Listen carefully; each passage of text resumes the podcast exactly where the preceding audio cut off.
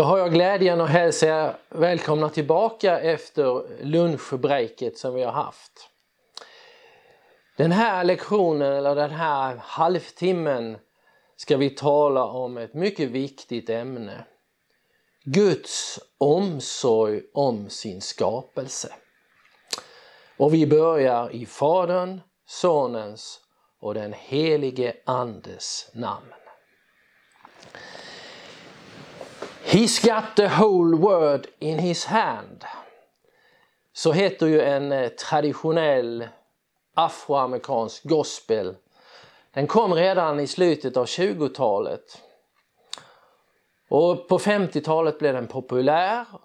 Och när jag växte upp på 60-talet så fanns det faktiskt ett program i Sveriges Radio som hette Andliga sånger. Eh, Arthur Eriksson och Einar Ekberg gick väl bra att lyssna på tyckte min gamla, eller min mamma på den tiden. Men när Göte Strandsjö svängde till det med Han håller hela världen i sin hand, då blev det lite för svängigt. Orden i den sången är inte fel. De stämmer verkligen. Gud han håller hela världen i sin hand. Han har omsorg om den jord och den himmel som han har skapat. Han säger det så tydligt och på så många ställen i vår bibel. Vi ska läsa som utgångspunkt för det här föredraget en saltasam som vi kanske inte läser så väldigt ofta och som just talar om Guds stora omsorg. Det är den 65 saltasalmen och där ska vi läsa från vers 7. Du gör bergen fasta med din makt. Du är rustad med kraft. Du stillar havens brus, böljornas brus och folkens oro. Det som bor vid jordens ända häpnar för dina tecken. Öster och väster fyller du med jubel. Du tar hand om jorden och vattnar den. Du gör den mycket rik. Guds flod är full av vatten. Du skaffar säd åt människorna när du så bereder jorden. Då kan du skifta, Erik. Du vattnar dess fåror och jämnar det plöjda. Du mjukar upp den med skurar och välsignar dess gröda. Du kröner året med ditt goda, dina spår dryper av rikedom. Vildmarkens beten dryper, höjderna klär sig i glädje. Ängarna fylls av jordar och dalarna täcks med säd. Man ropar av glädje och sjunger. På sjunde dagen så hade Gud fullbordat sitt skapelseverk. Och vi läser i första Mosebok att Gud han vilade på sjunde dagen från hela sitt verk som han hade gjort. Med Guds vila menas inte det egentligen, ska vi inte egentligen förstå det så att nu drog sig Gud tillbaka. Nu hade överlämningen skett till människan. Det är inte så vi ska förstå Mose ord i skapelsen. Jesus han förklarar det på ett ställe i Nya Testamentet som är så tydligt och så klart. Där står det i Johannes 5 Min fader verkar fortfarande Därför verkar också jag. Det menas helt enkelt med att Gud Han slutade skapa nya och kompletterande saker. Men han drog sig inte undan från sitt fullbordande verk och lät det sköta sig självt enligt naturens lagar som nu var inlagda. Allt hade nu fått, om vi ska vara lite moderna, sin genetiska kod. Varken världen i stort eller skapade varelser i världen har den medfödda kraften att leva vidare av sig själva. Utan deras fortsatta existens vilar och beror uteslutande på Guds vilja och kraft. Utan den så skulle det omedelbart försvinna. I Kolosserbrevet så läser vi För i honom skapades allt, i himlen och på jorden, synligt och osynligt, tronfurstar, herradöme, härskare, makter, allt är skapat genom honom och till honom. Han är till före allt och så kommer det några viktiga ord. Och allt hålls samman genom honom. På samma sätt som Gud genom sitt allsmäktiga ord befallde fram allt levande så håller han nu allt detta vid liv genom samma kraft. I Hebreerbrevet 1 så läser vi Han bär allting med sitt mäktiga ord. Därför så vilar inte Gud i, i några avlägsna himlar obekymrad om sin skapelse utan vi måste säga att han är konstant och han är aktivt närvarande hos och med allt han har gjort. Han tar vård om och uppehåller, dirigerar och regerar. Det gjorde han, säger Lukas i Apostlärningarna, för att de skulle söka Gud och kanske kunna treva sig fram och finna honom. Fast han är inte långt borta från någon enda av oss. För i honom är det vi lever, rör oss och är till. Så som några, även några av era egna skalder har sagt, vi är av hans släkt. Uppenbarelse, äh, Apostlagärningarna 17. Uppehållelsen är därför det verk av den treenige guden genom vilket han ständigt håller allting vid mack. Ja, han håller hela världen i sin hand. Så att de fortsätter sin tillvaro. Var och en med den utrustning och kraft som är nedlagd i dess natur från skapelsen. I Psaltaren 36 så står det både människor och djur räddar du Herre. Under detta att Gud uppehåller allting direkt och omedelbart genom enbart kraften av sin vilja så förordnar han samtidigt sina skapade varelser att vara medhjälpare till att understödja och försörja varandra. När Gud hade skapat människan så gav han henne åkerns frö, fröbärande örter och trädens frukter till mat. Efter syndafallet så läser vi att detta utsträcktes till att även innefatta animalisk föda. Till Gud, till Noa sade Gud, allt, allt som rör sig och lever ska ni ha till föda. Så som jag har gett er de gröna örterna ger jag er nu allt detta. Under det att vår existens och vårt liv direkt är beroende av Guds vilja är det indirekt beroende av det medel för vårt uppehälle som han ger oss. Vi läser i den i en psalm som vi också kan använda som bordsbön. Allas ögon väntar efter dig och du ger dem deras mat i rätt tid. Du öppnar din hand och mättar allt levande med nåd. Gud ger oss vårt dagliga bröd. Men det är också inlagt i skapelsen att vi ska arbeta för det.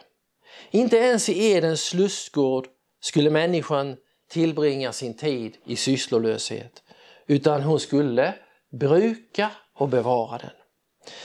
Efter syndafallet så blev ju arbetet mödosamt. Det blev en mödosam ansträngning.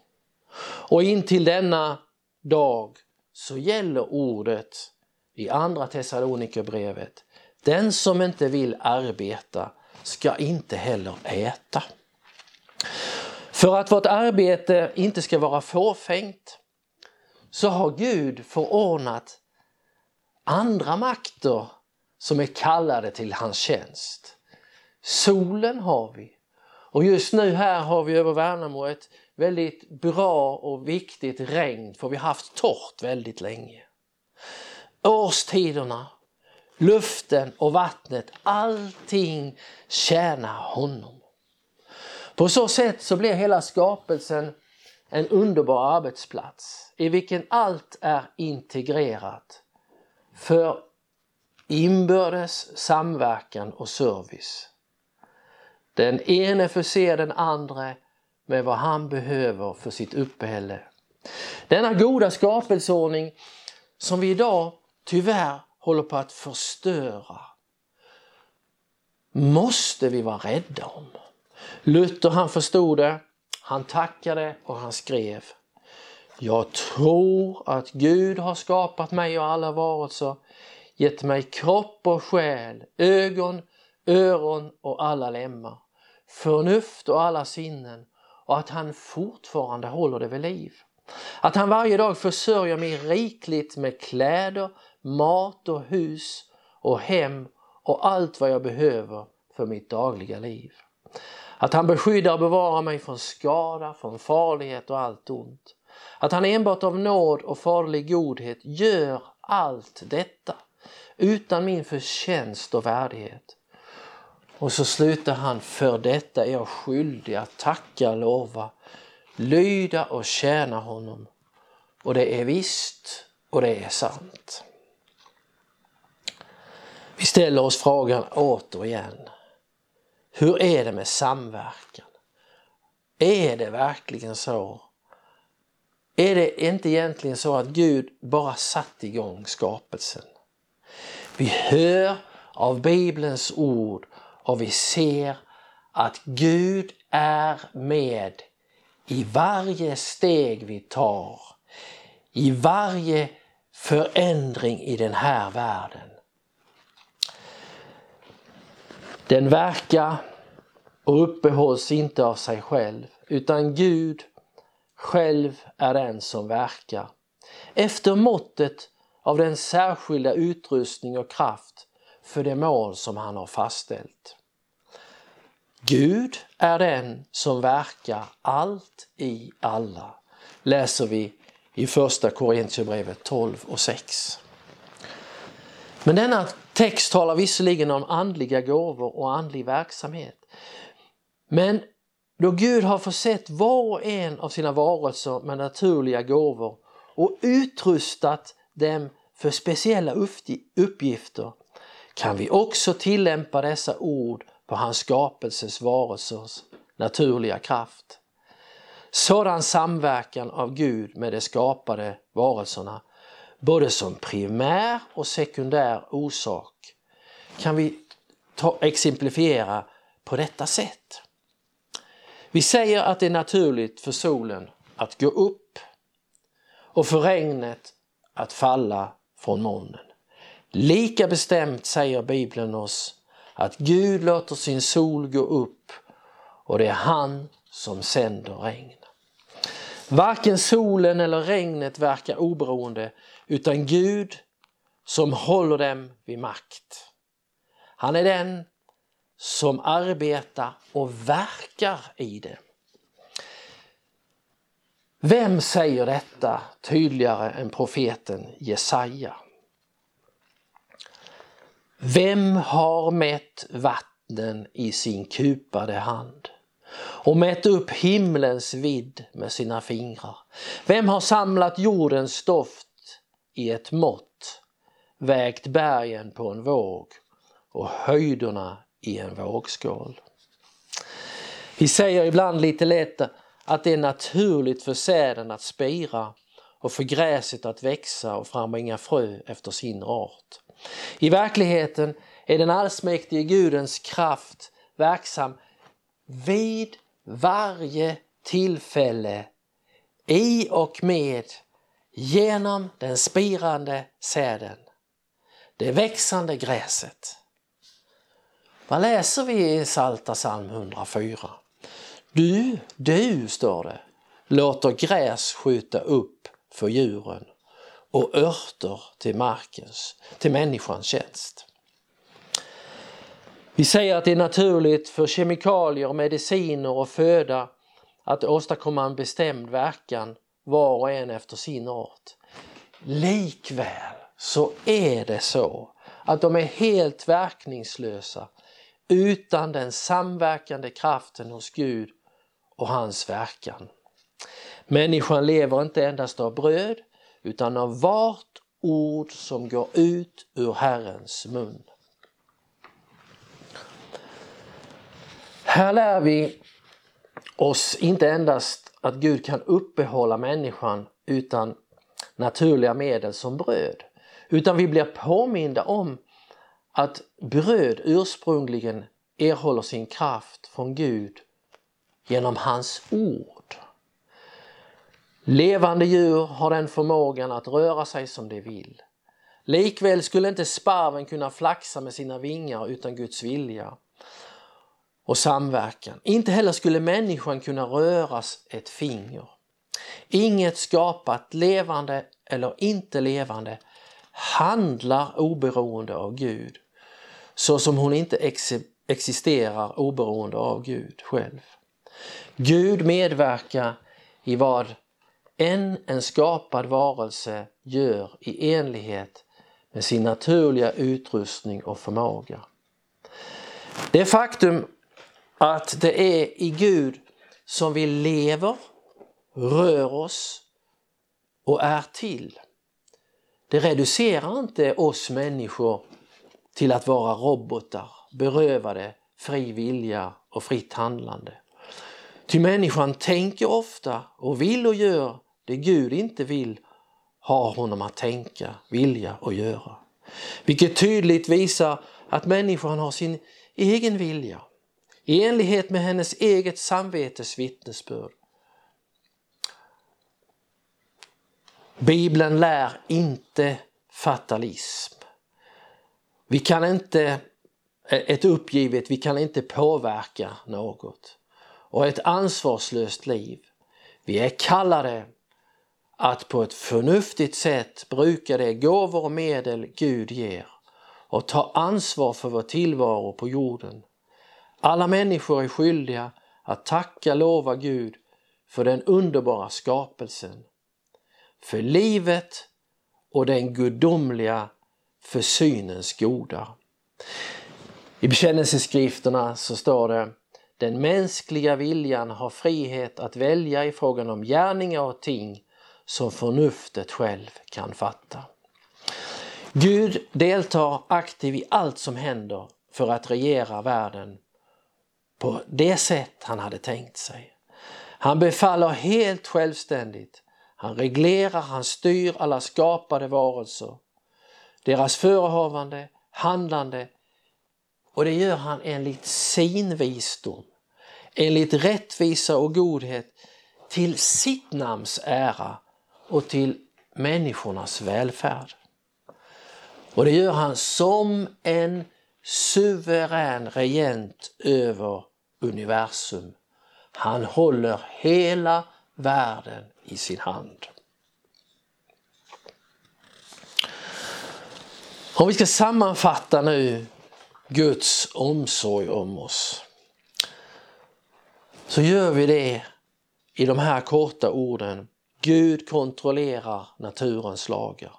Vi har såningstid och skördetid, kyla och värme, sommar och vinter, dag och natt därför att Gud vill ha det så. Han låter solen gå upp över onda och goda och ger regn från himlen och fruktbara tider. Han regerar också nationens öden och det ser vi i Israels historia och assyrierna och andra folks historia som är upptecknad i Bibeln. Han befaller över enskilda människors liv. Vi ser av Abraham, Mose och andras liv. Människans hjärtas tankar Människans hjärta tänker ut en väg, läs står det i Ordspråksboken. Men Herren är den som styr hennes steg. När vi därför planerar vårt arbete, vår framtid, skulle vi göra det i enlighet med Guds vilja och hans välbehag. Gud kontrollerar också det onda i världen. Vissa tider låter Gud ont hända och människor, som det står, får vandra sina förvända vägar. Men vid tillfälle bryter han människors onda rådslag och, rådslag och vilja, så som fallet med Saul. Eller hindrar han och, och, in, om, och gör om intet onda avsikter. Det är som Josef sade till sina bröder, ni tänkte ont om mig, men Gud har tänkt det till godo. Han försvarar oss mot fara så, som han försvarade Lot i Sodom och Israel vid Röda havet. Utan hans vilja skulle ingen sparv falla till marken. Om vi ska nämna någon psalmförfattare som har sjungit om Guds godhet och makt så finns det nästan bara en som är helt, för att säga, använda ett engelskt ord, outstanding. Paul Gerhardt, som mitt under det 30-åriga kriget under yttre svåra omständigheter ändå sjöng om Guds godhet och storhet, hans nåd och hans välsignelse. I salmen som börjar Befall din väg åt Herren skriver han i en vers Så lämna all din smärta och säg din sorg farväl. farväl. Driv oron ur ditt hjärta, bekymren ur din själ. Och så kommer två viktiga strofer. Ty du är ej regenten som allting styra bör. Din Gud har regementet och allting väl han gör. Han leder och beskyddar oss från allt ont. Även det onda människor gör är under hans kontroll och måste tjäna hans ändamål. Judas förräderi mot Kristus användes för att frälsningsplanen skulle fullbordas, för att du och jag skulle räddas och stå som rena och rättfärdiga inför Guds domstol. Han bestämmer hur långt de onda människorna får gå. Han reglerar och bestämmer resultatet av deras handlande så att allting ska tjäna hans barn till det bästa.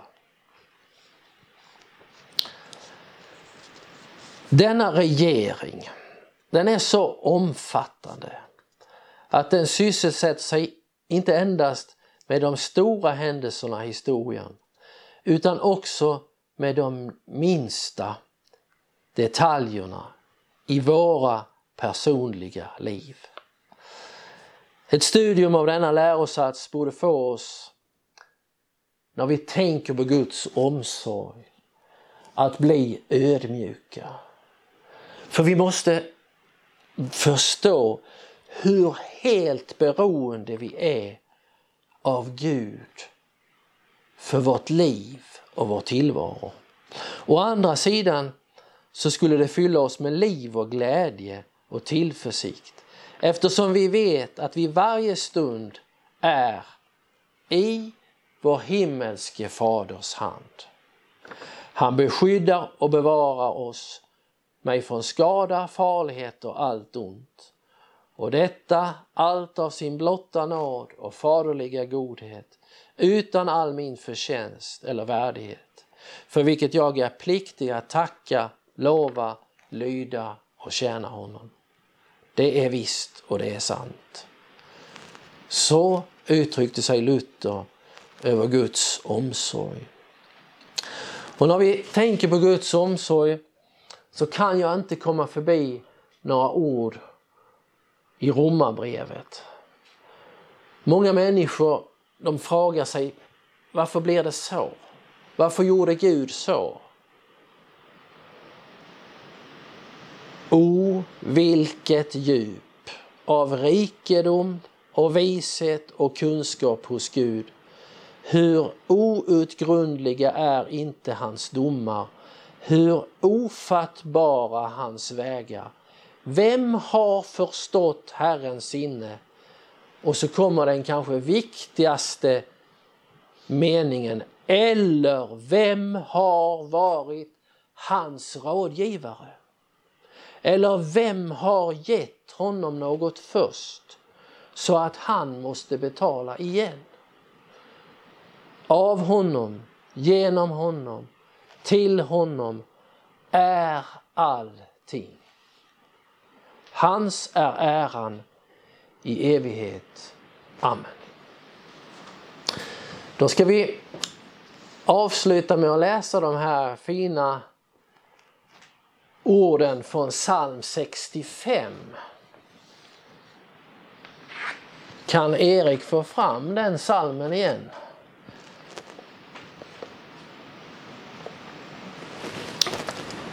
Du gör bergen fasta med din makt. Du är rustad med kraft. Du stillar havens brus, böljornas brus och folkens oro. Det som bor vid jordens ända häpnar för dina tecken. Öster och väster fyller du med jubel. Du tar hand om jorden och vattnar den. Du gör den mycket rik. Guds flod är full av vatten. Du skaffar säd åt människorna när du så bereder jorden. Då är det nästa Erik. Du vattnar dess fåror och jämnar det plöjda. Du mjukar upp den med skurar och välsignar dess gröda. Du kröner året med ditt goda. Dina spår dryper av rikedom. Vildmarkens beten dryper. Höjderna klär sig i glädje. Ängarna fylls av jordar och dalarna täcks med säd. Man ropar av glädje och sjunger. Amen.